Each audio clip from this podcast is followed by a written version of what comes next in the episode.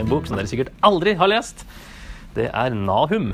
Det er sikkert ikke jeg vet om den er i Bibelen engang. Det... Så det er, jeg har ikke hørt noen taler ut fra denne boka noen gang. Derfor syns jeg det er veldig spennende å se på den. Og eh, det har blitt et sånn høydepunkt, altså Nahum. Jeg var inne på den sist når vi snakka om krigene i GT og sånn. For det her det handler om eh, Det er bare dom i hele boka. Her er det faktisk ikke noe sånn gjenopprettelse, fordi budskapet er til eh, Ninive. Eh, så det er jo på en måte oppmuntring til israelsfolket, med at Ninive skal dømmes.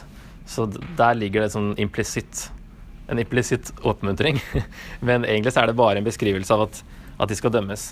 Og da er vi kommet litt ut på eh, 600-tallet, fordi eh, Assyria, som altså Ninive var hovedstaden i Assyria, de gikk under i 612 før Kristus. Da tok babylonerne dem. Så Nahum eh, hadde da et budskap til, det, til, dem før det. Det var jo verdens største by den gangen, Ninive, hovedstad i Asyria, som var verdensmakta. Før babylonerne tar over, da, når de tar asyrerne. Så det her er sånn, en liten bok med et kjempebudskap. At Gud skal faktisk få det verdensriket til å gå under. Verdens største by skal dømmes. Så det er litt sånn ironisk at den er så liten og glemt, og så er det et, egentlig et kjempestort budskap der. Uh, og det her var jo en av, nasjon, en av, historiens mest brutale nasjoner. Så langt i historien så har man ikke sett noe så brutalt som, som asyrerne. Uh, og det hadde kanskje vanskelig for å tro at uh, dette skulle skje, når Nahum kom med dette budskapet. Jonah han dro til Ninive i Jonas' bok, men det var kanskje 150 år tidligere. Da omvendte de seg. Og så, og så er det nå tid for å dømme, da. Men her er det viktig med historisk eh, bakgrunn for å forstå boka. egentlig. Ellers så blir det veldig så negativt med bare dom. Men hvis du, hvis du vet litt mer om asyrerne, så, så, ble det her det ble faktisk kjempepositivt for min del. Det ble skikkelig opptur å studere Nahum. Eh,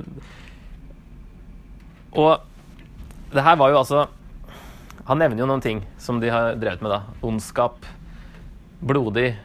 Den blodige byen. Full av svik og plyndring trolldom og ondskap mot alle.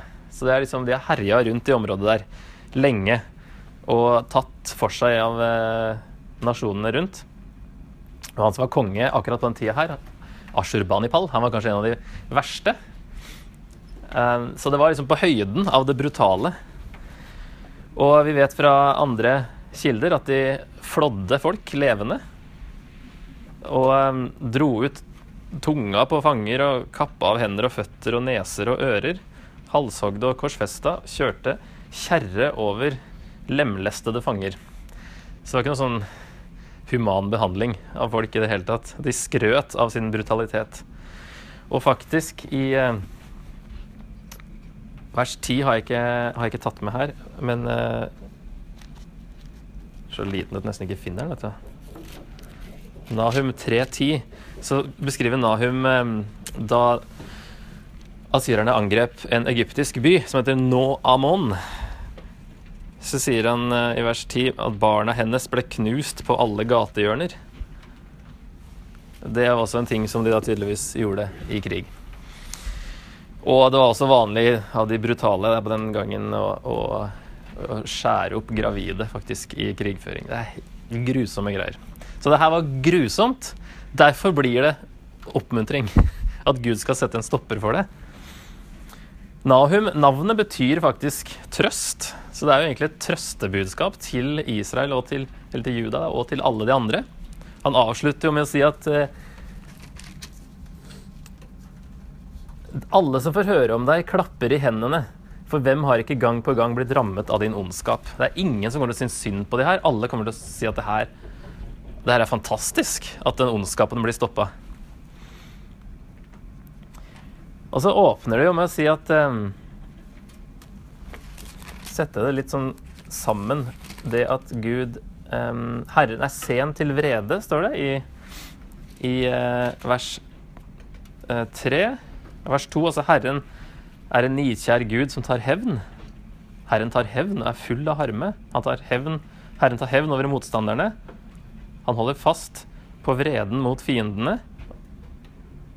Altså Herren er sent til vrede, hans makt er stor, Herren unnlater ikke å straffe. Det høres veldig sånn uh, ille ut, men så sier han likevel i vers 7 Herren er god. De to tingene henger sammen. Han, han er god fordi han straffer det onde. Og straffer ondskapen. Og Derfor blir det her eh, oppmuntrende at Gud ikke glemmer rettferdigheten og skal dømme ondskap og brutalitet. To kapitler. Så det første er en slags innledning der som vi leste nå litt fra. Gud er god og straffer de skyldige. Gud glemmer ikke. Um, siden det er de onde som straffes, så er det en god ting. Og så er kapittel to som beskriver eh, Ninives fall. Det blir som slags krigsbeskrivelse. Selv om det ikke har skjedd ennå, så beskriver han det som om han ser det. Og så er det da positivt for alle at det skjer. Og det gikk jo under i 612. Det er bare ruiner. Ligger i, borte i Irak. Um, og så gikk hele riket under 605, altså sju år etterpå, da, til eh, babylonerne. Sånn at uh, Gud hadde brukt asyrerne tidligere til å dømme Israel. Tatt Nordriket. Men nå var det på tide å dømme asyrerne. Nå er det babylonerne som skal komme og, og dømme dem. Så Gud bruker dem uten at de, Det er ikke noen gode mennesker for det. Men Gud bruker dem, deres ambisjoner om å ta land og sånne ting, bruker han eh, til å dømme Israel, f.eks. Så det er veldig tydelig i denne boka her at eh, Gud bryr seg om rett og galt. Og det er egentlig masse følelser i den lille boka. Og um, det som var veldig oppmuntrende for meg når jeg skulle forberede det her for et par år siden, så var det et eller annet sånn at IS hadde gjort et eller annet fælt noe akkurat da. Så jeg liksom satte inn IS i denne boka her i stedet for, i stedet for asyrerne. Eh, og da blir det oppmuntrende å se at Gud bryr seg. Gud eh, skal dømme det onde.